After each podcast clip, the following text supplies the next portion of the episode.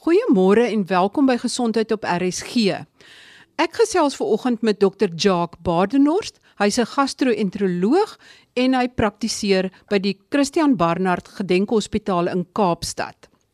Ons gesels ver oggend oor darmgesondheid, want daar's allerlei en interessante uitsprake oor wat in jou darmes aangaan en probiotika en wat ook al gesond is vir jou darmes. Maar kom ons hoor wat is die waarheid? Dr. Badenhorst, vertel ons bietjie meer wat in jou darmes aangaan en kom ons kyk na 'n paar foefies en waarhede. Maar as dit kom by jou spysverteringskanaal of jou darm, dan moet mense net onthou die spysverteringskanaal bestaan uit jou boonste gedeelte, so jou maag en daar's allerlei konsepte in in goed van toepassing en dan kry jy jou dun darm waar meeste van jou absorpsie van jou voedsel plaasvind en dan kry jy jou dik darm waar die laaste bietjie uitskeiding en so aan plaasvind en die afgelope tyd wat vreeslik in die nuus is is die die invloed wat die darmbakterieë dan spesifiek die dikdarmbakterieë op mense algemene gesondheid het en die invloed wat dit op mense potensieel leefstyl en en langtermyn gesondheid kan hê. Kom ons praat op die oomblik oor die die aspek van die dikdarm en die bakterieë in die dikdarm. So en die rede hoekom dit die afgelope tyd in die nuus gekom het is omdat die bakterie wat in mense dikterm leef is baie keer moeilik geweest om te kweek in laboratoriums. Maar vandat daar genetiese toetse soort van kommersieel beskikbaar geword het in laboratoriums en so aan, het ons kennis omtrent hierdie bakterieë dramaties toegeneem want ons het net van tevore nie die nie die vermoë gehad om om hulle te kweek en dit te kan bestudeer nie. Maar so daar's die afgelope dekade of so ontploffing geweest in die, in die kennis ten opsigte van die bakterieë. En daar's 'n paar interessante uh, feite want ons begin nou agterkom dat hierdie bakterieë sit nie net passief in jou darm nie. In terme van hoeveel daarvan hulle is, daar's meer van hierdie bakterieë in jou in jou dikdarm as wat daar selle in jou hele lyf is. So dis 'n geweldige uh, lading van bakterieë en hulle is baie nodig om jou gesondheid in stand te hou want hulle is betrokke by vertering van sekere tipe voedsel. Hulle is betrokke by die produksie van sekere byvoorbeeld vetsure wat belangrik is vir die instandhouding van die darm. Hulle is belangrik vir die ehm um, produksie van vitamiene byvoorbeeld. So hierdie hierdie bakterieë vervul 'n baie belangrike gesondheidsinstandhoudingsrol en ek dink dis waar baie van hierdie bewussyn van probiotikums en moet ek gefermenteerde kosse eet en dis meer vandaan kom want dit pas alles in by hierdie nuutgevonde kennis wat ongelukkig op die oomblik waar is is dat ons genereer al hoe meer en meer kennis omtrent hierdie bakterieë maar ons het nog nie baie van die vermoë ontwikkel om hulle te manipuleer of om 'n verandering in dit aan te bring. Met ander woorde om te sê hoe gaan ons hierdie bakterieë wat as daar 'n wanbalans is hoe gaan ons die wanbalans in die bakterieë korrigeer sodat ons 'n siekte kan gesond maak of so? Daar's nog nie vreeslik baie kennis nie. Ek kan ek kan praat van 'n paar konsepte wat ons baie vertroud mee is. Byvoorbeeld mense wat gereeld antibiotika kry vir alles hulle gehospitaliseer is, die bakterieë, die gesonde bakterieë word saam met die beskadigende bakterieë uitgewis deur die antibiotika. En dan maak dit mense vatbaar vir baie spesifieke derminfeksies, een spesifieke een genaamd Clostridium wat ernstige kolitis of inflammasie in die darm kan veroorsaak omdat die goeie bakterieë nie meer teenwoordig is om die balans te hou nie. En ons weet byvoorbeeld in gevalle waar daai spesifieke infeksie nie goed reageer op behandeling nie, kan mens die gesonde bakterieë weer herstel deur byvoorbeeld 'n fekale oorplanting te doen. Met ander woorde, bakterieë van iemand anders te neem om die balans te herstel. Dis een van die eenvoudige voorbeelde van waar ons nou weet ons ons kan dit manipuleer of ons kan 'n terapie doen om 'n spesifieke siekte te behandel. Kan mens nie maar net die bakterieë oorplant sonder die fisies nie. Ongelukkig nie. Weereens ons is nog nie op die punt waar mens die bakterieë per se net kan oorplant nie. Ek dink in die toekoms gaan dit beslis moontlik wees want ek dink die idee is grillerig vir meeste mense. Dit word wel in 'n prosedure gedoen, so dis nie iets wat mense aan blootgestel is nie. So dis nie as jy goed sluk of goed inspuit nie. Dis maar net dit word gedurende 'n kolonoskopie byvoorbeeld word die oorplanting gedoen Wat ons graag, ek dink wil hê is om te sê ons weet daar's al hierdie spesies bakterieë.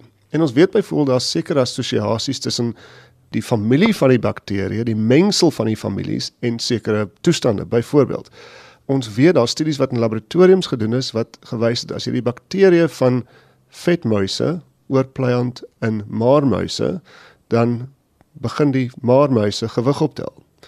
So ons weet daar is 'n assosiasie tussen die mengsel van die bakterieë en byvoorbeeld obesiteit. Wat ons graag wil kan doen is om daai aan te spreek en te sê nou gaan ons dit behandel sodat as dit die oorsaak van obesiteit of byvoorbeeld diabetes of insulienweerstandigheid is, kan ons dit met die bakterieë probeer manipuleer. Maar ek dink ons is nog seker 'n goeie dekade weg van daai tipe manipulasie af. Maar uiteindelik dink ek dis die rigting waarna dit sal beweeg. Is daar enige iets wat 'n mens kan doen om daai samestelling of die mengsel van jou bakterieë te verander. Kan probiotika enige iets wat jy inneem dit verander in jou dikterm? Ons kyk nou spesifiek na die dikterm.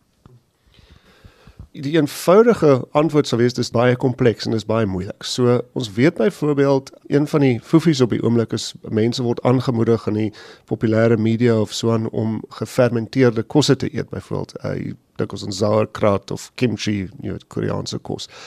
Die rede daarvoor is is dat die fermenterende bakterieë, met ander woorde die bakterieë wat op daardie dis meestal plante en groentekosse wat help met die vertering van daai kosse, hulle fermenteer, maar basies soos 'n fermenteringsproses wat mens kry met die ander jy weet industriële prosesse.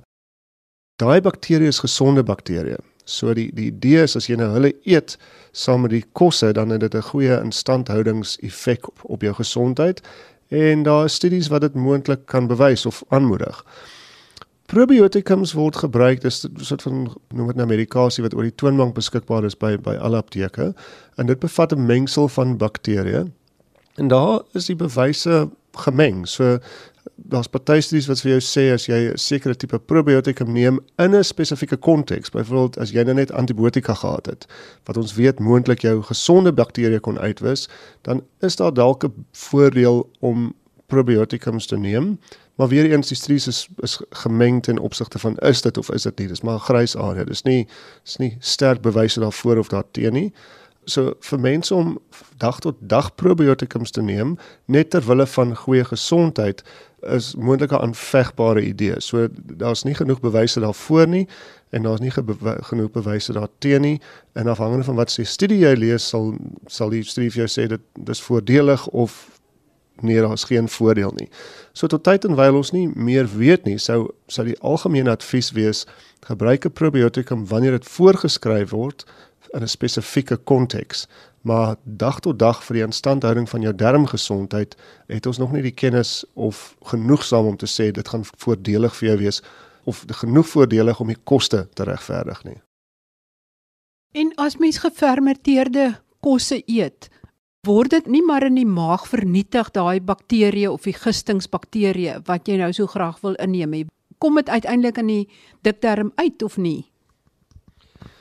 Dis 'n baie goeie punt want die maag se pH, so die suurheidsvlak in die maag is so laag en 'n spesifieke rede daarvoor is omdat dit aan die een kant help met vertering en aan die ander kant het dit 'n beskermende effek omdat meeste bakterieë vernietig word deur die proses uiteindelik gaan dit maar oor die oor die lading van die bakterieë. Soos jy in hierdie fermenterende kosse 'n groot lading van bakterieë inneem dan kan teoreties van hulle in die in die dikterm opeindig waar hulle dan 'n sogenaamde positiewe effek het. In die maag is daar spesifieke bakterie wat met evolusie geleer het om in die maag te leef in, in 'n baie lae pH omgewing of 'n baie suur omgewing te oorleef, sogenaamde Helicobacter pylori maar dis 'n baie spesifieke bakterie wat geleer het om die suur te neutraliseer en so vir homself 'n niche geskep het in die maag. En weet ons nou is dat die hoofoorsaak van maagswere. 20 30 jaar gelede is daar altyd vir mense gesê o nee dis stres wat jou maagsweer veroorsaak. Nou weet ons maagswere word hoofsaaklik veroorsaak deur hierdie bakterie en dis ook een van die redes hoekom ons grootendeels altyd toets vir die teenwoordigheid van die bakterie wanneer mense maagswere het mens behandel dan jou maag seer met antibiotika en teensuurmiddels en en dis hoekom die veelheid operasies wat vir maagswere deesdae gedoen word aansienlik minder is vandat hierdie bakterie in die 80s ontdek is. Ek wil net terugkom na die bakterieë in die kolon toe. As jy 'n kolonoskopie doen of jy kyk in die kolon, kan jy die bakterieë sien of die effek daarvan. Wat sien jy? Kan jy enige iets waarneem? As deel van die voorbereiding vir 'n kolonoskopie drink pasiënte darmvoorbereiding sodat die darm heeltemal skoon gespoel word. So gedurende die kolonoskopie is die darm heeltemal heeltemal skoon gespoel En dis wat mense dan sien. Dit stel jou dan in staat om poliepe te soek wat moontlik kankeragtig kan wees of om die diagnose te maak. Sê byvoorbeeld as iemand 'n inflammatoriese darmsiekte het, dan stel dit jou in staat om dit te sien. Mense sien nie die bakterieë per se nie, want ons praat nou van mikroskopiese entiteite. Jy kan byvoorbeeld die effek daarvan sien wanneer daar wanbalans of 'n siekte is. Byvoorbeeld die Clostridium infeksie waarna ek vroeër verwys het, het in sommige gevalle baie spesifieke tipe voorkoms en mens kan dit dan sien, maar mens maak nie die diagnose net op die voorkoms nie, dit is gebaseer op jy weet stoelgangkwekings en so voorts. So die effek van die bakterieë is as dit vir gesonde instandhouding sal maar net wees jy sal 'n gesonde darm sien aan die binnekant. Is daar ook goeie bakterieë in jou dun darm? Daar is 'n paar bakterieë, maar die dun darm is 'n relatief steriele omgewing as mens dit nou vergelyk met die lading. So persentasie gewys meer as 90% van die bakterieë kom in jou dikdarm voor en ons weet nou soos ek genoem het daar's assosiasies met siekte toestande en gesondheidsinstandhoudingsbelang van hulle maar in die dun darm is die lading van bakterieë aansienlik laer want in die dun darm word die oorgrootste meerderheid van jou voedsel geabsorbeer Daar is siekte toestande wat geassosieer is met 'n onnatuurlike hoeveelheid bakterieë. Met ander woorde, as daar wat ons noem bakterieële oorgroei is. Met ander woorde, 'n groot lading van bakterieë kom in die dun darm voor, dan word dit oorweeg as 'n siekte toestand, want dit kan byvoorbeeld kroniese diarree veroorsaak, dit kan wanabsorpsie veroorsaak want dit meng in met die normale absorpsie van van voedingsstowwe. So die teenwoordigheid van bakterieë in jou dun darm is in baie gevalle potensieel abnormale en siekte veroorsakende toestand. Dit word geassosieer met ander goed byvoorbeeld so as daar 'n probleem is met die normale beweging van die darm of wat ons noem peristalse dan maak dit mense meer geneem tot hierdie bakterieële oorgroei toestande of byvoorbeeld as mense divertikels het in hulle dun darm met ander woorde klein uitstulpings of sakkies in hulle dun darm dan omdat die beweging van die darm in daai areas abnormaal is maak dit hulle ook meer geneem vir bakterieële oorgroei Dokter Barnors, is daar 'n verband tussen outoimmuun siektes en goeie bakterieë in jou darmkanaal? Dit is een van daai vrae wat ek dink seker in 'n paar laboratoriums 'n paar wetenskaplikes hulle loopbane aan toewy. So ons vermoed baie van die outoimmuun siektes het moontlike infektiewe oorsaak. Wat beteken outoimmuun? Outoimmuun siekte is waar die liggaam se immuunstelsel gesonde weefsel van die liggaam aanval. Byvoorbeeld reumatoïde artritis is waar die liggaam of die immuunstelsel teen liggaampies teen die normale gewrigsselle veroorsaak en um, dit veroorsaak inflammasie en dan mettertyd jy weet kry mense reumatoïde artritis. Wat ons vermoed of wat ons wat moontlik in die toekoms klink klaar bewys kan word is dat Die rede hoekom die immuunstelsel daai spesifieke selle en daai spesifieke antigene aanval is omdat daai spesifieke selle en antigene miskien lyk soos die selwande van bakterieë en dat dit nou die verkeerde weefsel is wat in die kruisvuur gevang word maar dis nog myle weg van om te sê goed ons behandel outoimmuun siektes met antibiotika om hulle gesond te maak of hulle te vermy. Dis op hierdie stadium vermoedes en en weer eens op die lang duur sal daar moontlik meer en meer kennis wees wat wat hierdie spesifiek kan aanspreek en behandel. Maar daar is byvoorbeeld sterk vermoedens dat dit die geval is. Ons weet byvoorbeeld dat sekere siekte toestand soos Guillain-Barré, dis 'n toestand waar mense senuweeverlamming kry, soms volg op darminfeksies omdat die die liggaam se immuunstelsel 'n reaksie toon teen die bakterieële of virusinfeksie en dat die senuweestelsel dan in die in die kruisvuur gevang word. Dokter Barnors, is daar 'n manier wat mens kan uitken dat daar foute is met jou ingewandsbakterieë? Is daar enige waarskuwingstekens vir my wees of is dit eers as ek siek word van iets? So aan die een kant om jou vraag te antwoord is is, is 'n ekstreme geval. Met ander woorde as jy simptome begin ontwikkel, so sê nou maar net jy het onlangs antibiotika gehad en jy ontwikkel langdurige diarree na die tyd. So so die hoofsimptome sou wees iets soos diarree, of bloederige diarree self. So dit sou duidelike aanduiding wees van 'n siekte toestand. As ons nou praat byvoorbeeld oor die entiteit van bakterieële oorgroei in die dun darm, kan die simptome selfs meer subtiel wees. Diarree kan een van dit wees. Mens kan 'n uh, ystergebrek ontwikkel as gevolg van jy weet wanabsorpsie van yster. Dit kan opgeblaasenheid veroorsaak, dit kan winderigheid veroorsaak. Dit gesê kan totaal normale darmfunksie ook daardie simptome veroorsaak. So mens kan byvoorbeeld spesifieke toetse doen om seker te maak dat jy nie bakterieële oorgroei het nie en dis 'n wat ons noem asemtoets so spesifieke konkoksie word vir pasiënte gegee om te drink en dan toets mense om seker te maak dat daar nie bakterieële oorgroei is nie. Dis die die simptome waarvoor mense moet uitkyk. Aan die een kant ernstige simptome, maar aan die ander kant kan dit ook baie meer subtiele simptome wees, maar terwyl ek dit sê, dit kan ook ehm um, jy weet subtiele simptome soos opgeblaasenheid en so aan kan ook maar net normaal wees. So met die hele gesprek en almal wat nou ek wil amper sê op die wa spring oor uh, gesonde ingewandsbakterieë.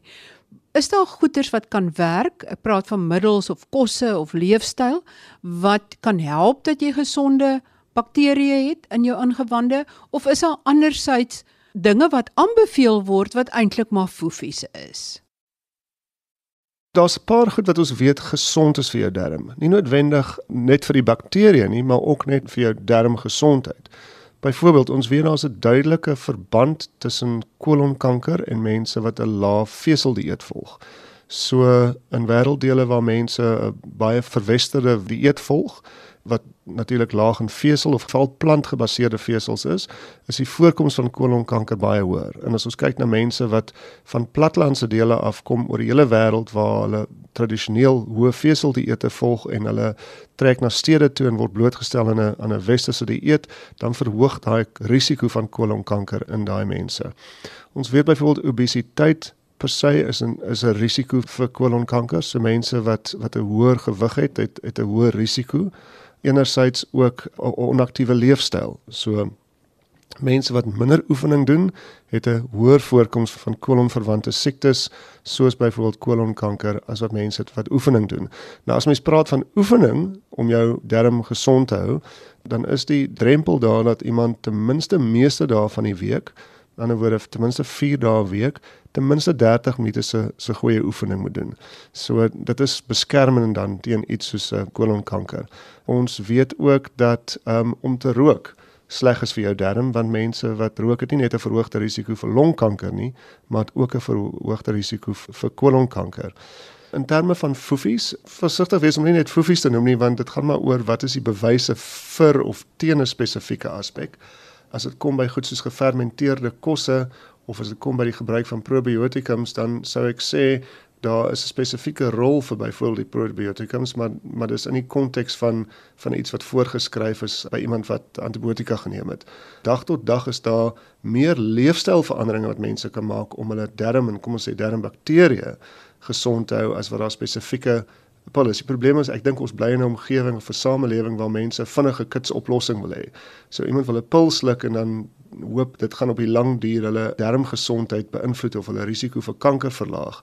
Maar baie van die leefstyl aanpassings wat ek nou genoem het, gaan oor dekades se goeie gewoontes. Met ander woorde, as ek nou skielik 'n hoë vesel dieet vir die volgende jaar volg, gaan dit nie noodwendig so positiewe invloed hê soos as dit 'n lewenstyl word en ek oor jare en dekades die goeie effek opbou nie. Selfs as kom by gewig en oefening byvoorbeeld. Die maklike ding is om om vesel te eet. Ons 'n verwesterde eet is relatief laag in vesel en ons geen twyfel dat 'n hoë vesel dieet beskermend is nie en, en dit het ook te doen met die bakterieë. So ons weet dat wat jy eet beïnvloed die mengsel of die familiesamenstelling van die bakterieë in jou darm. So byvoorbeeld mense wat hoë suikerdieete volg of geprosesseerde kosse eet, het 'n ander samestelling van die families van die bakterieë in hulle darmes. Mense wat 'n um, hoë veseldieet volg, het weer eens 'n ander samestelling en ons vermoed dat daai samestelling wat veroorsaak word deur die hoë veseldieet beskermend is dan teen siektes. Is daar enkele alarmsimptome en dan moet daardie mense met daai simptome doodseker maak dat hulle wel spoedig by 'n dokter uitkom. Daar's 'n paar alarmsimptome, so Die eerste ene sou ek sê is kroniese diarree. Met ander woorde, as iemand diarree het wat langer as 3 weke aanhou, dis relatief normaal om van tyd tot tyd diarree op te doen as gevolg van 'n maagkiem of 'n darmvirus, maar gewoonlik langdurige simptome moet opgevolg word. Veral mense oor die ouderdom van 50 ander alarmsimptome sou wees 'n verandering in jou stoelgang gewoontes. Met ander woorde as iemand relatiewe reëlmatige gewoontes het wat dan skielik konstipasie byvoorbeeld begin beleef, veral na die ouderdom van 50 'n ernstige simptoom. Die ander ooglopende een sou wees iets soos rektale bloeding.